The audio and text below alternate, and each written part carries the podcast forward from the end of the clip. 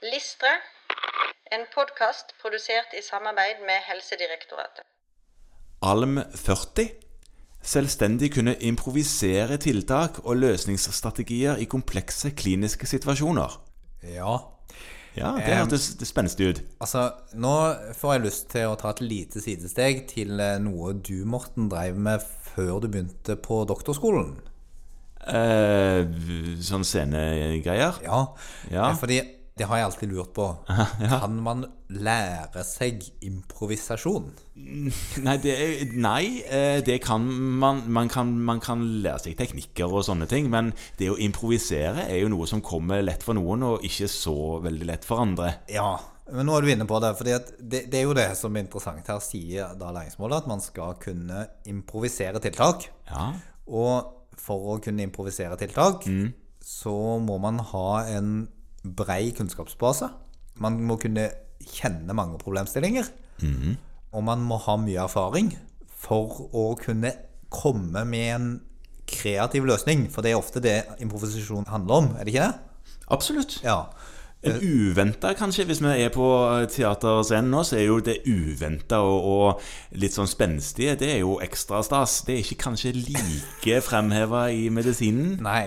Og så tror jeg at det vi bare skal si med en gang, at dette handler om de akuttmedisinske problemstillingene, tenker vi. Ja, altså det s- hvor det er en tydelig tidsfaktor i bildet. Ja, det, det kan ofte være på legevakt, og læringsmålet lister i stor grad legevaktsarbeid og akuttmedisinske kurs Ja. som viktig læringsarena her. Men på mange fastlegekontorer og i mange andre arbeidssituasjoner så kan du også komme opp i akutte hendelser.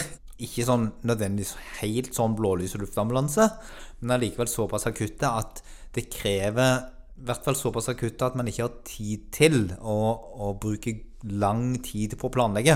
Nei. Men man trenger en litt kjapp løsning Vi har ikke tid til å vente heller. Noe må gjøres. noe må gjøres, og da må man av og til improvisere seg fram til det. Og da tenker jeg at som sagt så krever det at man tenker gjennom hva må vi ha av grunnlag for å bli god til å improvisere, og hvordan skal man få øvd på det. Ja. Eh, For de fleste av oss får for få akuttmedisinske hendelser i løpet av en to til femårsperiode i åpen og uselektert praksis til at vi egentlig blir gode eh, til å improvisere. Så da er kanskje legevakt, eller eh, kursing i akuttmedisin og sånt, noe. Ja, og man må være bevisst på at dette må man øve på utenom vanlig praksis Ja. for å bli god. For når du øvde på å improvisere på, På teaterscenen. på teaterscenen, Ja, ja. så øvde du jo. Ja, visst gjorde man det. Ja. ja. ja. Og provoserte fram situasjoner som du måtte improvisere i. Ja, ja. S- ja da, visst, absolutt. Lagde, lagde scenarioer som eh, skulle gjøre det eh, stimulere til å lage nye løsninger.